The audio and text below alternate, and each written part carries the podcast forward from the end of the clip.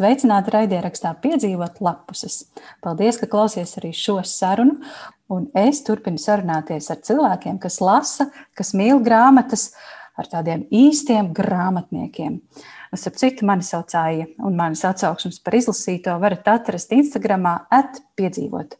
Savukārt es sarunāšos ar kādu citu Instagram personību, ar valodnieci, ar tulkotāju, un droši vien kā vēl ar daudz ko citu. Jā, tā ir Aiga Veckalne, un Aigai ir arī raidieraksts pieturzīmes. Čau, Aiga! Čau, Aija! Mēs esam tikušās raidierakstā, manā raidierakstā, un arī tavā raidierakstā. Un eh, tagad eh, mans jautājums ir, kā iet pieturzīmēm, kur ir jaunās sērijas? Eh, šī sērija iznāk septembrī, varbūt jau ir jaunas sērijas arī pieturzīmē, pieturzīmēm, bet uh, ieraksta brīdī vēl nekā nav. Ir tādas patīkamas gaidas un cerības, ka kaut kas drīz būs. Kā, kā tur ir pastāstīt? Jā, ai, paldies par šo jautājumu. Es šo jautājumu saņemu ik pa laikam, un dažreiz pat baidos, ka man šo jautājumu kāds uzdos. Jo tiešām šogad esmu nu, tādā garākā pauzē, pat neplānotā sākumā domāju, nu labi, nu kādu mēnesi neiznāks pieturzīmes, atpūtīšos nedaudz no raidieraksta, izdarīšu kaut kādas citas lietas plānotas. Zin kā, un tā tas ievilkās, un tiešām šogad iznāca un tikai dažas sērijas. Un, un maijā Rīgā bija čehu, čehu valodnieks Baltists Pāvils Štovs. Tad, nu, tā bija tāda mana motivācija ierakstīt kaut ko, bet, pa, bet pārsvarā nekas nav tapis. Taču jā, es arī ceru, ka klausītāji, tad, kad tu šo klausīsies, un Aija, arī tu, kad tu klausīsies šo gatavo sēriju, tad būs iznākusi jaunā pieturzīmu sērija. Um, Ir vairāki ieraksti, man jau tapuši, tā kā es vēl negribu sacīt, kura būs pirmā un kura būs otrā, bet katrā ziņā ierakstīts jau šis tas ir. Tā kā gaidām, gaidām septembru un gaidām jauno sezonu. Brīnišķīgi, brīnišķīgi. Tātad, eh, tu esi valodniece, tu esi tulkotāja. Es gandrīz tevi nosaucu par rakstnieci, eh, bet varbūt tu esi rakstniece, varbūt, varbūt kaut kas ir tapis. Mēs tikai nezinām. Jā, man ir tāda kladīta kur 14 gadu vecumā es rakstīju dzējoļus un prózu. Un es eh, pagājušajā gadā kārtojot māmas māju, atradu to kladīti. Es biju kaut kā pilnīgi aizmirsis par to, ka man tāda bija. Un tur, tur acīm redzot, man bija doma, ka es varētu būt dzēniece vai rakstniece. Es biju izdomājusi bērnībā, ka, kad es izaugšu liela, es būšu rakstniece un man būs pseidonīms Šeila Oldhila, tad Veckalne Oldhila. O, bet uh, skaits nenotika ne, ne rakstniecība, ne pseidonīms, bet es ikdienā esmu, esmu, esmu tekstā līdz ausīm. Gan pašai to veidojot pieturzīmu saturam, gan rediģējot citu rakstīto, vai arī tulkojot citu rakstīto. Tā kā varētu teikt, ka es esmu rakstītāja savā ziņā. Mm -hmm, mm -hmm. Un kā ar lasīšanu, vai tu esi arī lasītāja? Tas ir pilnīgi absurds jautājums šajā situācijā. Runājot ar cilvēku, kas ir tekstā līdz ausīm, protams, ka droši vien ka arī lasīšana ir tava ikdiena, bet pastāsti pati, kā tur ir. Manā bērnībā man apkārt bija vairāk grāmatu nekā bērnu. Nu, varētu teikt, ka, ka bērni nebija vispār mana vienaudža. Līdz ar to lielā mērā tas, ko es darīju, es lasīju, un man paveicās, ka mums mājās bija diezgan plaša biblioteka.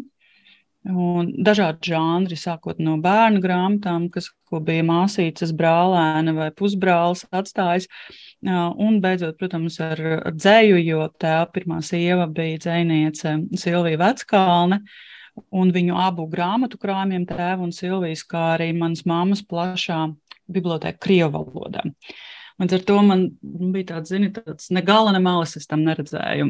Tas, kā man nebija, un tu jau zini, kā es noskatījos uz šīm grāmatām ogres bibliotekā, man nebija sprīdīša bibliotekas grā, sērijas grāmatu, un pēc tam gan es gāju uz skolas biblioteku un, un nedaudz apskaudu tās ģimenes, kurām šīs grāmatas ir. Tā kā grāmatas, jā, visu, ko es atceros no bērnības, tās lielākoties ir grāmatas un kaut kādas manas tādas atmiņas ir ļoti lielā mērā arī saistīts ar grāmatām. Un vēlāk obligātā literatūra, droši vien līdzīgi kā tev. Obligātā literatūra bija visgaidītākais mans vasaras saraksts un vasaras notikums. Jo es tiešām ļoti gribēju lasīt vasarā, un tas saraksts deva nu, tādu zināmu struktūru, ka tev nav pašam jāizdomā, vai nu, nav jāpārbauda, vai tas man patiks vai nepatiks, bet reku kāds cits ir nolēmis, ka tavam vecumam tas ir, piemēram, atbilstoši vai mācību programmai. Tā kā es vienmēr visu izlasīju gan skolā, pamatskolā, gan vidusskolā.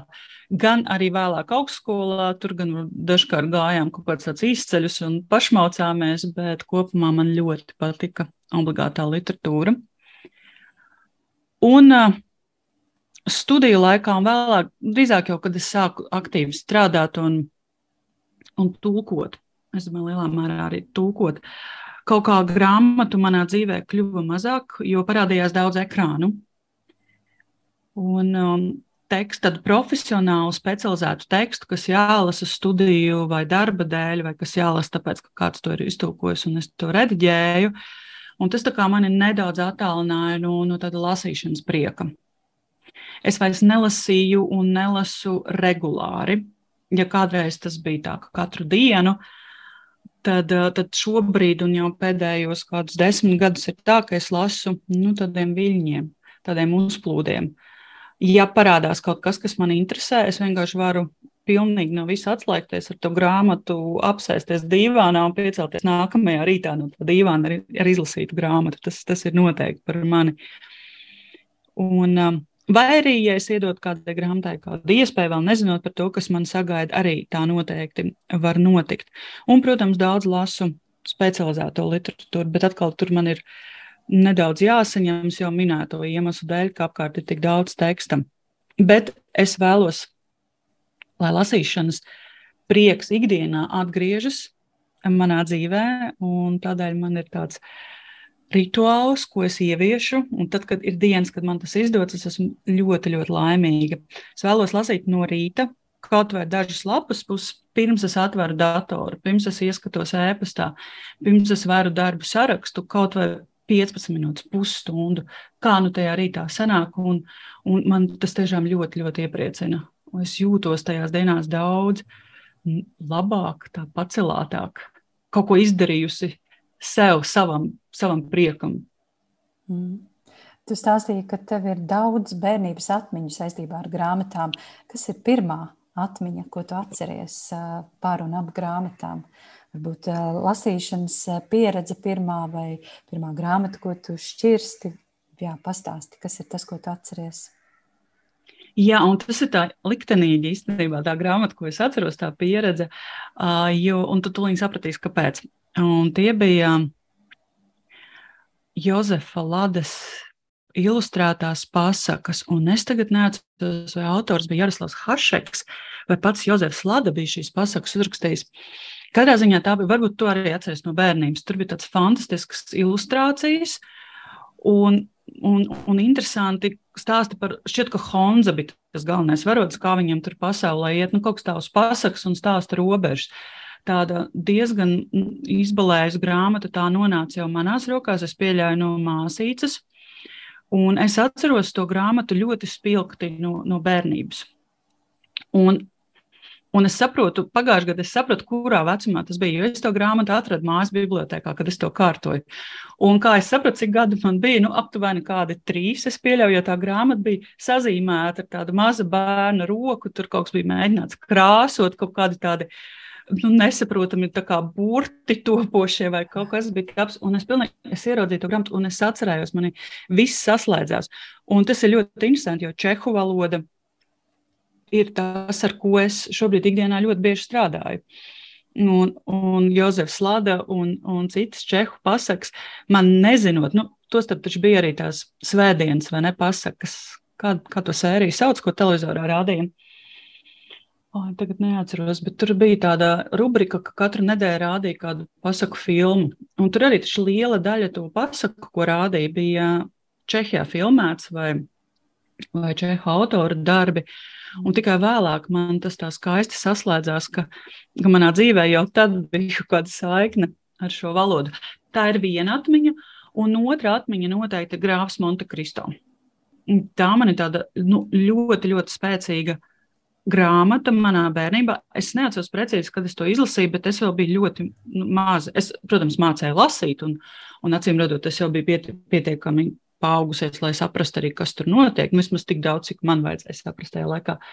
Un es vēlāk to grāmatu lasīju katru vasaru. Man bija tā tradīcija, es to grāmatu lasīju katru vasaru.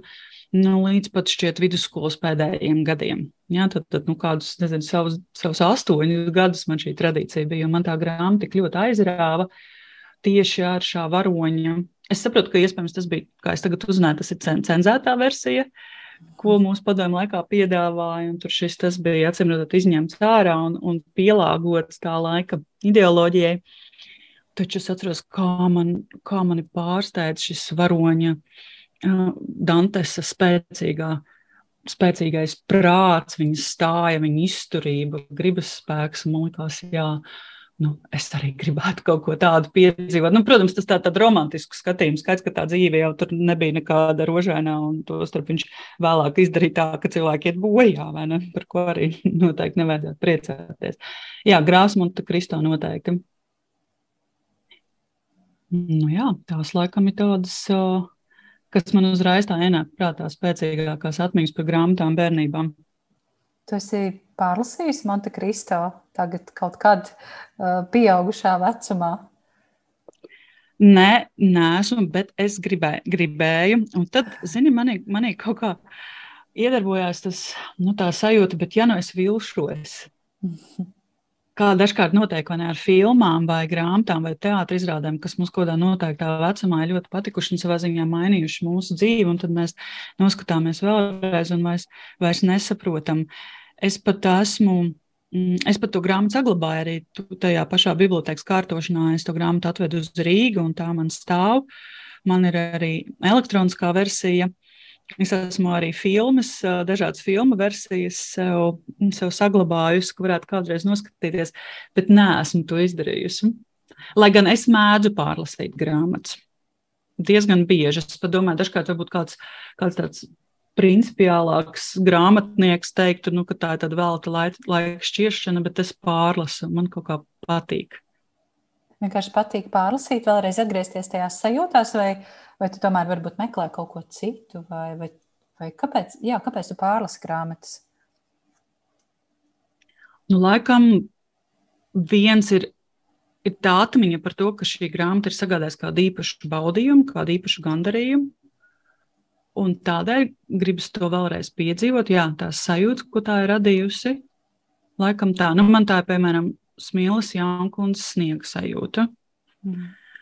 Vai bija periods, kad es to pašu Agatu Kristī pārlasīju. Un man katru reizi likās, o, oh, tiešām bija šāda. Es pat biju sekmīgi aizmirsusi uh, to, kas, kā, kāds ir tas atrisinājums. Ir. Mm, bet Pēters Hēgs vispār, es esmu vairākus Pētera Hēga mm, darbus pārlasījis. Jā, kaut kā laikam tā sajūta ir tāda, ka tu gribas atkārtot. Un varbūt arī meklēt, nu, piemēram, nu, tāds Umberto Eko Fuko svārs, to es arī pārlasīju vairākas reizes. Tur es droši vien meklēju, iespējams, ka pirmajā reizē es visu nesapratu, visu mm, nedabūju to, ko varbūt es būtu varējis no tās grāmatas sev dabūt. Un otrajā reizē man bija tā pieredze īstenībā vēl spēcīgāka. Jā, daži dažādi iemesli tur ir. Mm. Un tad man patīk pārlasīt arī tad, ja tā ir sērija ja tā ir grāmatu sērija, un man gribas pirms jaunās grāmatas iznākšanas atcerēties, kas tur ir. Kas, lai man nav atkal, zini, tāds dažreiz filmu skaties, divi gadi pagājuši, iznāk jauns sezonas seriālam, un tu vispār nesaproti, neatceries vairs, kas tie par varoņi, kāpēc viņi tur, kāpēc viņi saka kaut ko tādu. Un tā dažkārt arī grāmatām ir. Mm. Es gribēju mazliet eh, parunāt par šo nelasīšanas posmu, jo tas, man liekas, ir tāds, nu, es tā iedomājos, eh, ka tādam kārtīgam grāmatniekam, tādam, kas ir lasījis regulāri, tas varētu būt tāds liels pārdzīvojums, ieslīgt nelasīšanas posmā. Un, ja, ja tu varētu pakomentēt, kā tu par to jūties un kā, kādas tev ir sajūtas, kad tu esi tajā nelasīšanas posmā, vai tu šausti sevi, vai tu tam ļaujies, tu tagad mēģini arī ielikt savā ikdienas režīmā šo lasīšanu, tad mēģini atgriezties pie lasīšanas, kaut kāds paņēmiens tev ir. Bet jā, pakomentēs sīkāk, jo man liekas, ka ļoti daudziem tas tā ir, un ļoti daudzi par to pārdzīvo. Bet kā ir ar tevi? Zini, es laikam nepārdzīvoju. Es laikam esmu, esmu pieņēmusi tos objektīvos faktus, kāpēc tā ir. Nu, objektīvos, subjektīvos droši vien, ka man ir tik daudz enerģijas un tik daudz laika. Un tik daudz es pavadu tekstā, ka acīm redzot, es nu, vienkārši nu, kā ir, tā ir. Es sevi nešaustu, es turpinu pirkt grāmatas. Man ļoti patīk tikt pie grāmatām, vienalga pirkt bibliotekā, uzdāvina. Es esmu tāds nu, rīktīgs grāmatu vācējs. Man patīk. Un, un tas savā ziņā, protams, ka tas nelīdzinās tam, tam tā sajūtai, ko tev sniedz lasīšana, bet tas arī dod kaut kādu prieku. Kad tev tavās rokās nonāk grāmata, tu viņu aptausti, izpēti, pašķirsti, nopriecājies, ka tā tagad ir, ir man vai man ir tāda iespēja šo lasīt. Tā kā, jo iespējams, ka varbūt sākotnēji es par to šaustījos sevi, vai pat brīžos, ziniet, dažkārt ir tādi stereotipi. Nu, tātad valodnieks, tulkotājs, valodniece, rakstītāji, nu tad noteikti tu ikdienā ļoti daudz lasi. Un varbūt sākumā, kad man kāds ko tādu teica, bija varbūt nu, tāds lielāks kauns atzīties. Bet kaut kādā brīdī es saprotu, jā, nu, ka, ka tā ir, ka es neko nevaru ar to šobrīd, šajā situācijā. Tā ir un es to pieņemu. Un es arī zinu, ka es esmu tāds negausis, ka es tiešām būs, būs mana grāmata. Es atlikšu visu, lai to grāmatu izlasītu. Nu, tā kā, piemēram, iznāks drīz um, Gilbraita jaunais romāns. Aizmirst nosaukumu, kaut kas par uh, sirds formas tinti vai kaut kas tur bija. Un es to grāmatu pasūtīju jau tikko parādījās iepriekš pārdošana, un nu, jābūt tagad augusta beigās tajā grāmatā. Un es zinu, tiklīdz tā grāmata atnāks, es sēdēšu un lasīšu. Kas ir tas, ko tev patīk piedzīvot lapusēs? Es saprotu, ka tas ir detektīvs, Agata Kristija izskanēja, Galbraits izskanēja. Tā tad, jā, tas ir tavs žanrs, bet kas vēl? Varbūt tā ir pat kaut kāda sajūta, ne konkrēts žanrs. Droši vien tas ļoti atkarīgs no, mm, no, tā, mm, no tā brīža, arī dvēseles stāvokļa. Bet, principā, mm, man patīk eksperimentēt arī ar žanriem. Um, atceros, Kūņinam, krievu rakstniekam Borisam Kūņinam bija tāds brīnišķīgs eksperiments. Viņš rakstīja grāmatas dažādos žanros. Es nezinu, vai tu to piefiksēji. Tur galvenais sarunas pārsvarā bija tas viņu fandorins, ja tas, kuram bija tās īpašās spējas, tur pamanīt to, ko varbūt citi neredz. Un tāds uh, veiksminieks viņš savā ziņā bija. Un tas, ko Kuņins darīja, mm, viņš uzrakstīja bērnu grāmatu, viņš uzrakstīja fantastiku, viņš uzrakstīja detektīvu, viņš uzrakstīja vēsturisku romānu. Un tas bija apbrīnojami, ja, kas savā ziņā to lasīt kā nu, tādu stāstu, kā varbūt Fandorins risina kārtējo noslēpumu. Uh, Bet patiesībā tu paralēli izbaudi arī žanra burvību un skaties, skaties un bērnība atkal, un atkal atcauc kaut kādas bērnības atmiņas. Varbūt. Tā kā es ļaujos žanriem, tas, ko varbūt es nelasīju iepriekš aizrautīgi, tā ir, tā ir fantastika vai tāda utopija. Uh, Un, bet šogad, pēc 24. februāra mm, Krievijas agresijas un kara sākšanas Ukrajinā, es saprotu, ka man gribas kaut ko tādu nereālu, arī nereālistisku lasīt, kur es zinu, ka tā nav patiesība, kur bieži vien labais kaut kādā brīdī uzvar ļauno. Un es saprotu, ka es esmu gatava arī, arī tam, vismaz savā filmu izvēlē. Es jūtu, kā, kā ir mainījies. Bet runājot par žanriem, nu, tādai prāta atslēgšanai noteikti detektīvs vai kaut kas līdzīgs tam, vai spiegu romāni. Mans guilty pleasure mhm. ir spiegu romāni, konkrēti viena autora, viena autora Dan, Daniela Silvas darbi. Tad uh, man ļoti patīk lasīt dzēju. Mm, tad, kad iznāk šī sērija, es jau būšu pie tā dzīslas krājuma tikusi, bet šobrīd es jau otro dienu mēģinu iegādāties Ingūnas Pizānas jaunu arī, es arī es saprotu, es, man ir tik tālu jāiet no darba līdz grāmatnīcai, un es otro dienu eju pa karstumu. un nav, un nav. Un es vakar biju vienā grāmatnīcā, tur man saka, nu, ka tā kā vēl nav. Rītā būšu, bet šodien es esmu citā Rīgas pusē, un es eju vienā citā grāmatnīcā. Un tur saka, nē, ir jābūt jaunam plauktā. Nu, es apstāgāju to jaunu plauktu, nu tā, ka es tur visām, visām grāmatām izlasu nosaukumu. Nosaukums nē, nav. A, nu, būšot nākamnedēļ, tomēr mēs tur kaut ko sajaucām. Es domāju, nu, labi, nu, tad, tad trešā reize varbūt būs tā veiksmīgā. Tā kā jā, bet dzēja man, man ļoti patīk dzēja. Un principā, nu, tādam varbūt pārdomu brīžos, varbūt tādos skumjākos brīžos, bet ne tikai. Tur ir kā tā loģiski, vai ne? Tāds bieži vien cilvēki ieskatās dzējas grāmatā vai pašķirs dzējas lapus, kas varbūt sasauc ar viņu tā brīža sajūtām. Bet man patīk ieskatīties dzējā arī tāpat vien, arī, ja ir priecīgs prāts. Man patīk, ka man kāds dzējoja krājums stāv par rokai kādu laiku, un es varu to pašķirstīt. Arī brīžos, kad varbūt neesmu nu, tā filozofiski noskaņota. Mm. Jā, man, Jā. man patika, kā tu stāstīji par uh, fantastiku un fantāziju, kas ienāk uh, tavā lasīšanas pieredzē.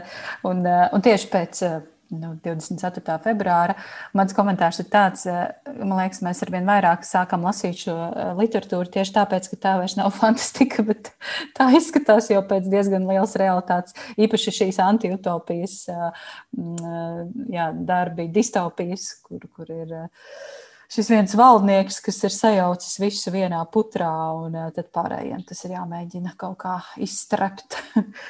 Jā. Jā, taisnība.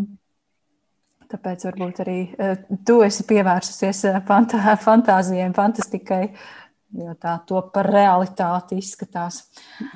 Ai, jā, Kas ir jaunākais, ko tu esi iegādājis? Es teicu, ka tu esi grāmatu pircēja. Man liekas, visiem grāmatniekiem patīk paskatīties tos jaunumiņus. Man ļoti patīk arī tie tavi stāsti, kad tu stāstīji pieturzīmēs, kas, kas jauns tavā grāmatu plauktā. Un, tā, tas ir ļoti aizraujoši. Tā no malas paskatīties un pasiekaloties. Un man atkal patīk, ka tu stāsti par to, ko tu esi izlasījusi. Tādas čupiņas skaistas vienmēr, kur arī var iedvesmoties.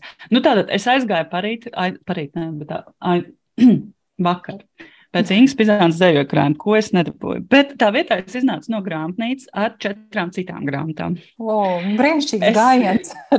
ne? Absolūti, absolūti nenožēloju. Es tiku, izrādās, Jurģim Liepniekam ir iznācis jauns romans. Jā.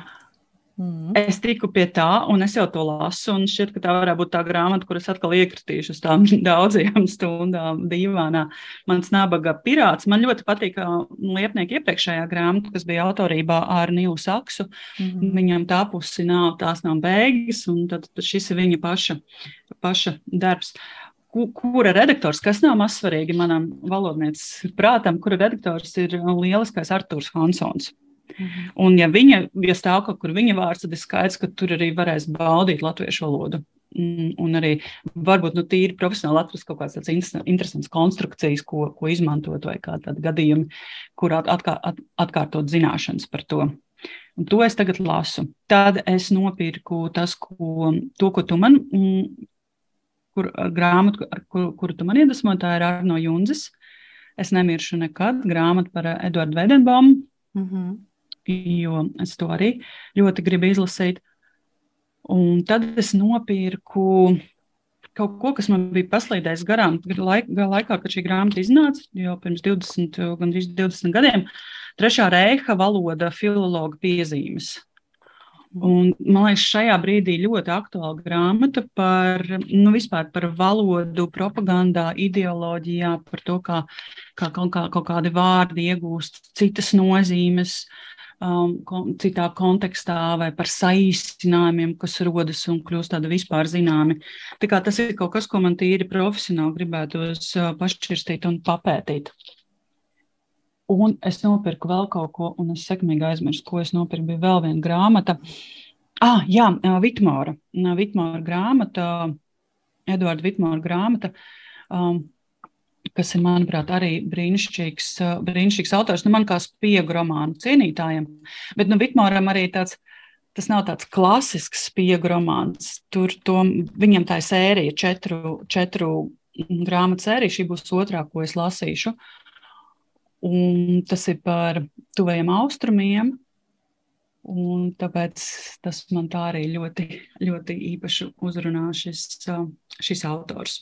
Jā, mm. tā kā es iznācu ļoti bagātinājusies no grāmatnīcas, netikusi pie Ingas grāmatas, bet tad, kad šī epizode iznāks, noteikti es jau lasīšu Ingas dzējoju krājumu, un tu jau būsi izlasījusi un uzrakstījis atsauksmi droši vien. Jā, es ļoti, ļoti gaidīju Ingas grāmatu. Gaidīju un priecājos, ka tā beidzot ir iznākusi. Es jau brīdināju Ingu, lai gatavo papildu metienu, jo, jo pirks visi un lasīs, lasīs visi daudzi, pilnīgi noteikti.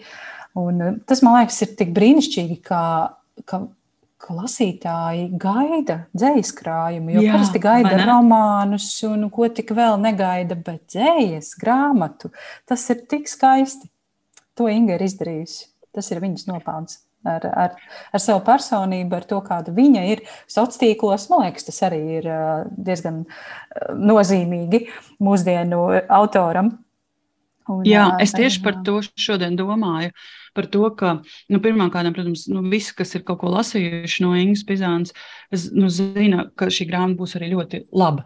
Par to vispār man nav šaubu. Tā noteikti kaut ko atmodinās, tā noteikti raisīs kaut kāds pārdoms. Bet arī tas, ka Inga nebaidās būt arī sociālajos tīklos un rādīt gan savas pārdomas, fotografijas, dzējoļu rindas. Es vienmēr priecājos, kad viņi ieliek kādu dzējoli. Un jā, pilnīgi noteikti tas ir viens no iemesliem, kādēļ varbūt to grāmatu tā gaidām, ka viņi ir spējusi arī ieinteresēt tajā tik ļoti.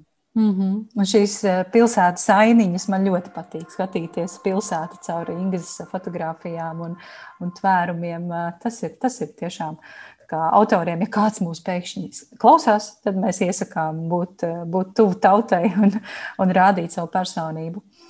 Es gribēju jautāt, Aiga, vai tu esi lasījusi Andras Manfeldas jauno dzējas grāmatu poēmu ar mammu? Es visiem to iesaku. Kur vien man ir iespējas, es uh, iespraucos ar šo ieteikumu. Jā, es izlasīju par to tavā, tavā Instagramā. Un padomāju, man to vajag.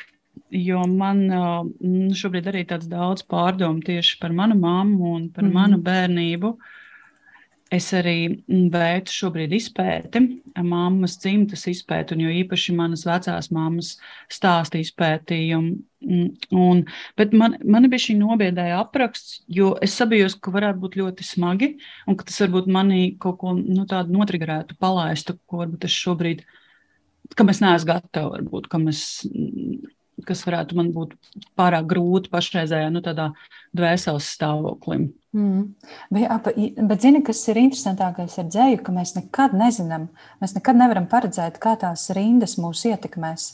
Un, uh, tas ir pats interesantākais un vienlaikus arī pats satraucošākais uh, dzēju, dzēju lasot, jo jā, tās var pēkšņi uh, izvilkt kaut ko pilnīgi negaidītu mūsos. Un, un tas, tas tā ir laba dzēja, vai ne? Ja tā rada kaut Jā. ko, ko mēs neesam paredzējuši vispār. Jā. Tā ir. Bet tev taisnība vajadzētu, un vēl jāaiziet uz grāmatnīcu vēlreiz. Ir. Un varbūt tad jau būs tā Ingas grāmata. Tā. Jā, es lieku, es lieku sarakstā. Es, es, tu, man, tu man vēlreiz, tu man pirmajā reizē pārliecināji, bet tagad tu man vēl vairāk iedrošināji.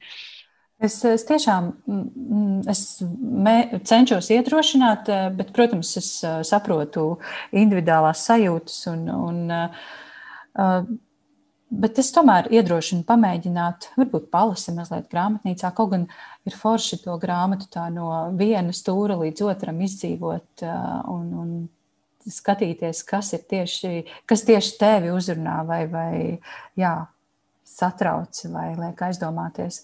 Ļoti, manuprāt, šī ir Andris Manfeldes, es teiktu, nu, labi, es neesmu nekāds beigas vērtētājs, bet eh, labākā grāmata tiešām, tiešām no sirds to saku. Un, un tas, ko viņi ir izdarījuši, tas ir kaut kas tāds wow, ļoti, ļoti apbrīnas vērts. Tālūk. Paldies! Jā, nē, ļoti, ļoti labi. Es, es noteikti izlasīšu. Jā, ko tu šobrīd lasi? Tieši à, tu lasi Jurģi Liepnieku. Es jā? sāku Jurģi. Jurģi Liepnieku. Un paralēli es biju iesākusi, bet nebiju vēl pabeigusi Alenas Monštainovās klusos gadus. Mm -hmm. Tā ir čehu autore. Un tāda, tas ir stāsts arī par par 70. gadiem, un mani ļoti interesē tas laika posms Čehijā. Es esmu noskatījies vairākas filmas, izlasījis vairākas grāmatas, arī pati iztulkojis vienu slovāku darbu, kurš vēl nav izdots, tieši par nu, tā sociālistisko režīmu tur un kā tas ir ietekmējis ģimenes un, un, un tā tālāk. Tas, tas ir vienmēr ļoti smagas grāmatas, bet tajā pašā laikā un filmas, bet tajā pašā laikā. Čehiem piemīt nu, tāda interesanta lieta gan um, filmās, gan grāmatās. Nu, protams, lielā mērā tās filmas ir ekranizētas no grāmatām. Un taču tas tāds īpatnējs, it kā smagi. Un tur tiek atveidot tādi traģiski fakti, bet vienlaikus tur vienmēr ir kaut kāds humors, tur vienmēr ir kaut kāda gaišā puse. Tas vienmēr tā, tiek izstāstīts tā, nu, ka tev nav jāsēž tajā brīdī un nav jākrīt vienkārši tādā pilnīgākajā nomāktībā. Bet vienlaikus tu apzinājies, protams, to notikumu traģiskumu. Tas man ļoti patīk, un tas man fascinē čehu literatūrā, čehu kinematogrāfā.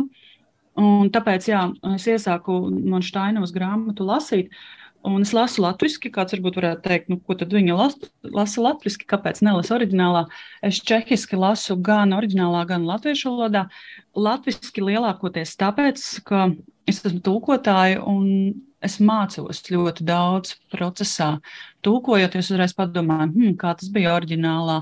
Un reku šī tā reālija, tātad jā, tūkotājs arī skaidros tā, lai latviešu lasītājs saprot. Un tā ir tāda savā ziņā arī gan lasīšana, gan arī mācīšanās man. Mm -hmm. Jā, man ļoti patīk, kā tu raksturoji eh, šo čehu literatūru un, un, un kino. Man liekas, tas ir tāds jutīgums, jutīgums pret, eh, pret notikumu un jutīgums arī pret lasītāju vai skatītāju. Kad, eh, nu jā, to tu arī pas, pas, pastāstīji, ka tas darbs neatstāja tādā tukšumā, tukšā vietā. Ir kaut kāds tāds vāciņš tam visam arī, arī klusiem gadiem, man, manuprāt, tāds bija. Klavaiga pastāsti par, par šo grāmatu, ko tu, es saprotu, nu pat, nu pat esi iztulkojusi. Mēs, starp citu, tikko esam saņēmuši tavu, nu jau būs pagājis kāds labs laiciņš, bet tevis tulkotu grāmatu bērniem par šo slieku Franci. Un, bet šī grāmata, ko tu nu pat esi iztulkojusi, tas ir pieaugušo auditorijai, laikam, ja? Bet pastāsti vairāk. Jā. Kas tas ir? Jā. Kas tas par darbu un, un kā tas pie tevis nonāca un par ko tas ir? Ļoti daudz jautājumu. Un tātad tas ir Slovāku rakstnieces Monikas Kompaņīkovas romāns Piektā laiva.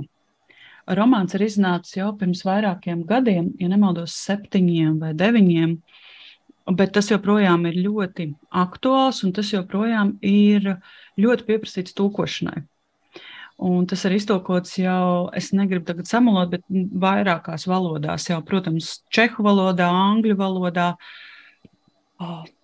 Balkānu valstīs, ļoti vairā, vairākās valodās, poļu valodā un vēl citās. Katrā ziņā autori ir, ir pieprasīta tūkošanas tūkotāju vidū.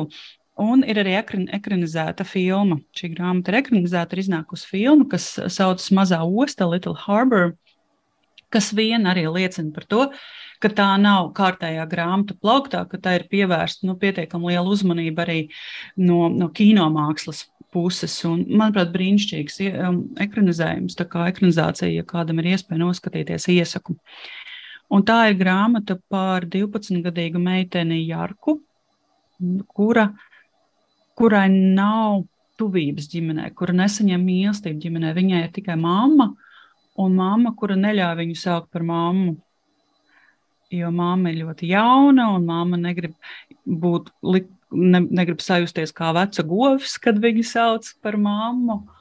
Un, un Jārka ļoti daudz laika pavadīja vienatnē, arī tad, kad uh, mamma dodas kaut kur prom, pazūd uz pailgu laiku vai dodas kaut kādos tādos sporādiskos darba uzdevumos. Viņa pa laikam maina darbus un tad nerādās mājās. Uh, vai arī bieži vien nāk visādi nu, nepārāk patīkami vīrieši uz šo dzīvokli, kur viņas abas dzīvo. Un Jārka slēpjas dārzā. Sava vectēva emigranta dārzā. Vectēvs tad ir emigrējis kaut kādā brīdī prom, un tur Jārka piedzīvo dabu, tur Jārka daudz domā un filozofē. Tur viņa arī piedzīvo nu, tādu ļoti savādu notikumu savā dzīvē, kad viņas aprūpēja, tā var teikt, nonāk divi zīdaiņi. Un Jarka dzīvojot nu, bez šādas mīlestības, bez rūpēm, jo viņas māma neko daudz arī praktiski nemāca. Jarkai ļoti agri bija jākļūst pieaugušai, un tajos 12 gados jau viņa ir ļoti pieaugusi. Un, lai gan es saprotu, protams, ka raksta Jarkas monologu, raksta pieaugušs cilvēks bet es noticu tam, ka tā varētu tieši šī meitene tā arī tajā vecumā varētu domāt un runāt. Tiešām tāda ticamības sajūta. Lielā mērā tas varbūt kaut kā arī tāpēc, ka tas norazinē ar manu bērnību. Man nebija tāda bērnība, bet kaut kas sasaucas. Arī daudz laika pavadīju vienatnē, es daudz agri iemācījos tik galā ar lietām ļoti agrā vecumā. Mm, un arī piedzīvoju posmu, kad mamma bija aizrausies ar, ar alkoholu un, un biju savā ziņā arī pavesta, pamesta nu, tādā novārtā. Un tāpēc es pilnīgi noticu visam, ko autori raksta. Man šis darbs aizrauja. Tūkojot, bija grūti nelasīt. Tie, kuri tulko, saprot, ka tulkotājs nevienmēr lasa. Ja mēs iedziļināmies konkrētajā uh, teikumā, vārdos, jēgā, mēģinam savilkot loģiskās saites, atgriežamies iepriekšējā rinkopā, lai kaut ko pamainītu, jo tur jau ir noticis tā. Bet dažkārt es tā sēdēju un es vienkārši lasīju, šķīru tālāk un lasīju, lai gan es biju to darbu jau izlasījis pirms, pirms tūkošanas. Es ļoti gaidu mm, šā tūkojuma iznākšanu. To izdos izdevniecība Pētergailis rudenī. Nezinu neko precīzi, iespējams, tu par to uzzināsi agrāk nekā es. Un, jā, es ļoti ceru, ka, mm, ka Latvijas lasītājiem patiks un Latvijas lasītāji tur atradīs. Un noteikti būs interesanti saprast, lasot, kāpēc ir šāds nosaukums piektā laiva. Jo nekas, ko es stāstīju tikko par jārku, neliecina par, par laivām, par ūdeni. Es, es klausos un domāju, kā tas, paga, kā tas nu, varbūt tā emigrācija kaut kā, varbūt tur varētu kaut ko izdomāt, bet citādi nē. tu sapratīsi, tu sapratīsi no pirmās lapas puses, un, un tā ir tāda, mm, tāds āķīgais uzdevums lasītājiem savilkt, mm, savilkt kopā tos punktus, kāpēc tur ir piektā laiva. Mm -hmm. Oi, es, viss, es, es, es, jau, es jau nevaru sagaidīt šo grāmatu. Paldies, Aiga, par, par šo stāstījumu. Es domāju, ka visi, kas šobrīd klausās, jau gaida tieši tāpat kā es. Uh, Izklausās tiešām aizkustinoši un īsti, vismaz manā gaumē, pilnīgi noteikti. Laikam būs jāraud, ja? Es domāju, ka jā.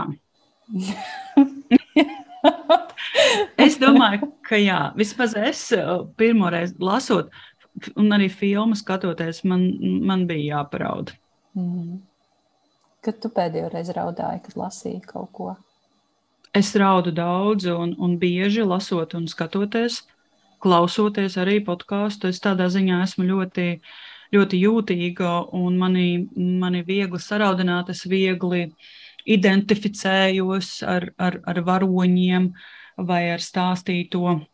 Kad es raudāju lasot grāmatu, to gan man tā būtu grūti tā uzreiz pateikt. Nu, ja neskaita tagad šos piek, pie, piekto laivu, Es raudāju, lasot, pavisam noteikti lasot to grāmatu, ko es tulkoju pirms tam no slovāku valodas. Mm, tas notika 1. septembrī vai citā dienā. Tur es ļoti raudāju. Un tas šodien, ka es raudāju vēl arī citur. Es lasu paralēli, es lasu paralēli mm, grāmatas un es raudu lasot Žitkovas dievietes. Tā ir arī mm, tā čehu grāmata. Un, uh, arī par režīmu, arī par to, kā vairākās paudzēs izkoptas tādas ģimenes tradīcijas, kas varbūt ir nu, ārpus saprotama, ārpus konvencionālā, varbūt kaut kas tur ir tāds pārpasaulīgs tajā vai saistīts ar, um, ar citu, citu enerģiju un citām kodām pasaulēm. Un, Jā, un tāds skarbs sieviešu stāsts vairākās paudzēs. Tur es raudu, tāpēc man ļoti lēnām iet tā grāmata. Bet kādā ziņā man ir tik grūti atcerēties, tāpēc ka es raudu regulāri. Un, un es tam, nu, varbūt nu, tāpēc nepievēršu tādu, tādu uzmanību. Un es priecājos par šo spēju, jo nu, tas nozīmē, ka, ka dzīve un ikdiena vai cinisms, kas neglābjami ir ienācis manā attieksmē pret lietām, pret notikumiem, ka tā nav, nu, nav pavisam mani izdzēst to, nu, to jūtīgo bērnu dvēseli, to jūtīgo pasredzējumu pasaulē, to pārdzīvojumu par netaisnību, jo es arī dzīvē mēdzu raudāt, ja es redzu kaut kur netaisnību un pārdzīvot par to un ilgi domāt par to. Un, jā, reflektēt ļoti daudz. Tā kā es, es priecājos par šo spēju. Bet es arī, š, lai arī man šī spēja iepriecina, bet tas arī ir iemesls, kādēļ es daudz ko nelasu. Kādēļ es daudz ko neskatos, kādēļ es daudz ko nelasu, jo es baidos, ka man būs pa grūtu. Apzināti bieži vien es neizlasu grāmatas, par kurām tu vai Sandra stāstāt, ir tāda aizrautība, un es domāju, jā, jā, es gribētu šo izlasīt bet es saprotu, ka mm, es nevaru. Mm -hmm.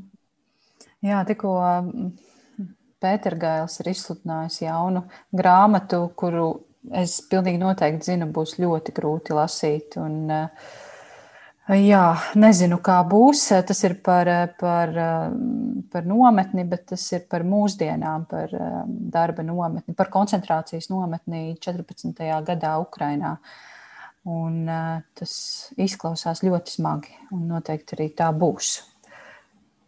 Bet es esmu aizmirsis grāmatas nosaukumu pēkšņi. Nu, gan jau tu par to vēl izstāstīsi. Jā, vēl to iz, izstāstīsi profilā. Nē, un es visticamāk to nelasīšu. Mm -hmm. Tas, jā, tad to, to es atzīstu, ka tas savā ziņā, nu, ka tas jūtīgums, ka es dažkārt sevi no tā arī pasargāju, tīri apzināti. Mm. Jā. Es eh, tev lūdzu padomāt par uh, trim grāmatām, kuras tu vari izcelt savā lasīšanas pieredzē. Un, uh, es nezinu, vai tev tādas ir, jo man liekas, vispār šis ir šausmīgs jautājums un šausmīga lieta, par ko domāt tādam īst, īstenam grāmatniekam. Bet Monte Kristo, tu, Kristo tu jau pieminēji, un, un, bet varbūt ir vēl kaut kas, kas noteikti ir tavā top top Tas ir ļoti augstā. grūts jautājums. Tas ir neiespējami. Nu, tas tā kā izvēlēties, nezinu, kurš bērns ir mīļāks. ja? Vai nu, tas tāds absolūti, absolūti ļoti, ļoti grūti izvēlēt. Bet um, man ir nu, tāds nemainīgs vērtības manā dzīvē. Tu teici trīs, un es padomāju, un man liekas, ka tās ir, es man liekas, bet tās ir uh, noteikti vāciešu dzēja Tas ir absolūti mans tāds stūrakmens pamats jau no, jau no bērnības. Jau, kad es pirmo reizi izlasīju vāciju, tas neatceros precīzi, kad tas notika, bet tā, tā tas ir palicis un tas ir, tas ir nemainīgi. No, tad arī mm, kāds pārlaidās par dzegus likstu grāmata man bija. Es laikam sākumā izlasīju, noskatījos filmu, tad izlasīju grāmatu, un tas tā ir viena no tām pieredzēm, ka tu saproti, ka grāmata ir daudz, daudz reizes labāka par filmu. Un tā katarse, ko tur piedzīvot, tā kā absolūti, tad, ja man būtu jābrauc kaut kur un tikai trīs grāmatas būtu jāņem līdzi, es droši vien paņemtu to. Ar vācieti būtu grūtāk, jo tur tomēr ir tie vairāk sējumi, kopotajos rakstos, tur būtu jāņem kādu no izlasēm. Un Vēl es pēdējā laikā domāju par lielisku skolas laiku pieredzi, un es domāju, ka es gribētu pārlasīt to grāmatu. Un tā ir Alberta Bela bezmiegs. Mm. Tieši saistībā ar to, ka mēs pēdējā laikā atkal daudz runājam par to, ko mums ir atstājuši, kādu mantojumu atstājuši padomju gadi, un, un par agresoru, un par to, kā ir jāiemācās nu, īpaši, protams, Bela gadījumā par to, kā viņš to mācīja pasniegt cauri un izlausties caur cenzūras nagiem. Jā. Tāpēc man ir doma, ka es gribētu to grāmatu izlasīt. Un, jā, nu, ko, tur, ko tur domāt? Vienkārši jāaiziet droši vien uz bibliotēku un jāizlasa, jo jāpaņem, un mājās pašai nav. Mm -hmm. Ko tev nozīmē grāmata? Es domāju, ka mājas pilnīgi noteikti man. Es nevaru iedomāties mājas bez grāmatas, bez grāmatām. Un es nevaru iedomāties arī nu, kādu tādu savu sajūtu, ka es iedaros, ka, ka man šeit ir labi, ja man nav grāmatas. Kaut kas tāds mm, absolūta liela daļa no manas paties, paties tajā brīdī nelasu, man vienmēr būs kāda grāmata par rokai. Jā, man, man tas ļoti svarīgi. Man grāmata nozīmē arī bez tādas mājas sajūtas, man grāmata nozīmē tādu skolu, valodas skolu, jo es pilnīgi noteikti zinu, ka mana latviešu valoda ir tāda, kāda tā ir, nu, pietiekami, pietiekami laba, un lai es varētu varbūt rediģēt citus un tulkot, tieši tāpēc, ka es lasīju grāmatas bērnībā. Jo es nāku no divvalodīgas ģimenes, un, un bērnībā mēs ģimenē runājām krievu valodā līdz pirmajai klasē. Un, uh,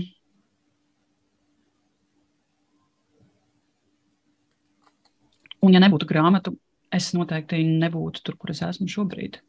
Šajā profesijā, šajā nodarbošanā, šajā brīnišķīgajā burtu un vārdu un teikumu pasaulē. Mm. Skaisti. Grāmata, grāmata ir mājas. Tas ir jauki teikts. Un tā tiešām ir. tur, kur, tur, kur nav grāmata, tur māja nav. Vismaz tādam īstam grāmatniekam, vai ne? Jā. Oh, jā. Aiga, pašās, pašā sarunas noslēgumā es parasti jautāju par vēl sarežģītāku un nežēlīgāku jautājumu par, par to vienu iepriekšējo. Jā, es lūkšu tev atstāt vienu grāmatu, raidierakstā, piedzīvot lapus uz zelta grāmatu sarakstā. Un kas būs šī grāmata no tevis? Nu, Zini, kā lai iet tas Alberts Bēls un bezmīgs šoreiz. Mm -hmm. Es ceru, ka tas vēl, vēl tur nav ievietots. Es, nekas, mēs jau varam, jā, sarakstu veidot ļoti, ļoti īsu ar dažiem zelta ieteikumiem. Man liekas, ka nav, ka nav gan. Nē. Vismaz jā. ceturtajā sezonā raidierakstā nē. Laurai Grēviņai podkāstā pa kluso ir šī Spotify playliste. Jā. Un, um, kāds tev domas, kā varētu šo zelta grāmatu plauktu padarīt arī tādu pieejamu. Skaidrs, ka mums tur ir autortiesības un viss, bet, kas zina, varbūt ogres bibliotekā varētu tapt tāds plaukts. Plauktiņš, jā, bibliotekā ar zelta grāmatu sarakstu. jā, kāpēc gan ne? Es biju patiesībā ļoti pārsteigta, kad es reiz aizbraucu uz vienu mazu, mazu piejūras bibliotēku un ieraudzīju tur skaistu plauktu ar, ar grāmatu ieteikumiem, un šie ieteikumi bija ņemti no kāda mana LSM raksta. Un es skatos uz šīm grāmatām, uz šo sarakstu, un saprotu, paga, tas kaut kas redzēts. Un es, es saprotu, jā, tas tā tad manus rakstus kāds tiešām lasa un izmanto. Hei, tas ir brīnišķīgi! Nu, tā. Es domāju, pat vairāk nekā, nekā tu vari iedomāties. Jā, redz, kā tiem, tiem radošajiem cilvēkiem jau nevienmēr ir sapratne, kur tas viņu darbs aiziet un, un kāds ir tur īstas rezultāts. Jā, es nezinu, kā tev ir. Tu, tu, tu tulko grāmatas, tu redzi, ka tās tiek lasītas, un tur varbūt ir kaut kāds gandarījums. Bet, bet reizēm jau droši vien ir tāda tukšuma sajūta, mazliet dari, dari, un tas kaut kur tādā mākonītī paliek. Nu, pilnīgi noteikti. Es domāju, tas ir arī saistīts, viens, tas ir saistīts ar to, ka nu, tā atgriezniskā saite nevienmēr ir pieejama. Uh, Un otrs, tas ir saistīts ar to, ka lasīšana, rakstīšana, mm, rediģēšana un citas tādas radošas, netaustāmas lietas jau bieži vien nerada to pabeigtā darba sajūtu. Mm. Un tāpēc vēl jau vairāk atsauksmes vai šī atgriezniskā saite ļoti iepriecina. Es parādīšu arī savā Instagramā, bet es izstāstīšu, man, piemēram, tika atsūtīta fotografija no šķiet Angļu ģimnāzijas kur skolotāja istabā pie tāfeles ir mans raksts no žurnāla Ir nauda par valodu.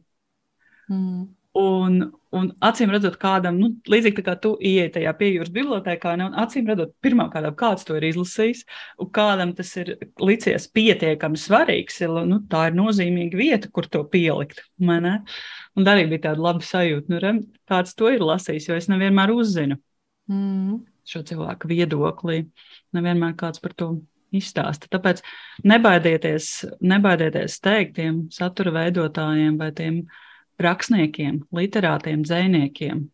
Sniedziet šo atgrieznisko saiti, rakstiet, rakstiet atsauksmes, sūtiet pārdomas. Mēs visi ļoti priecājamies, un es zinu, ka īpaši radošs cilvēks par to priecājas, īpaši literāts. Mm. Tā ir, tā ir tieši tā.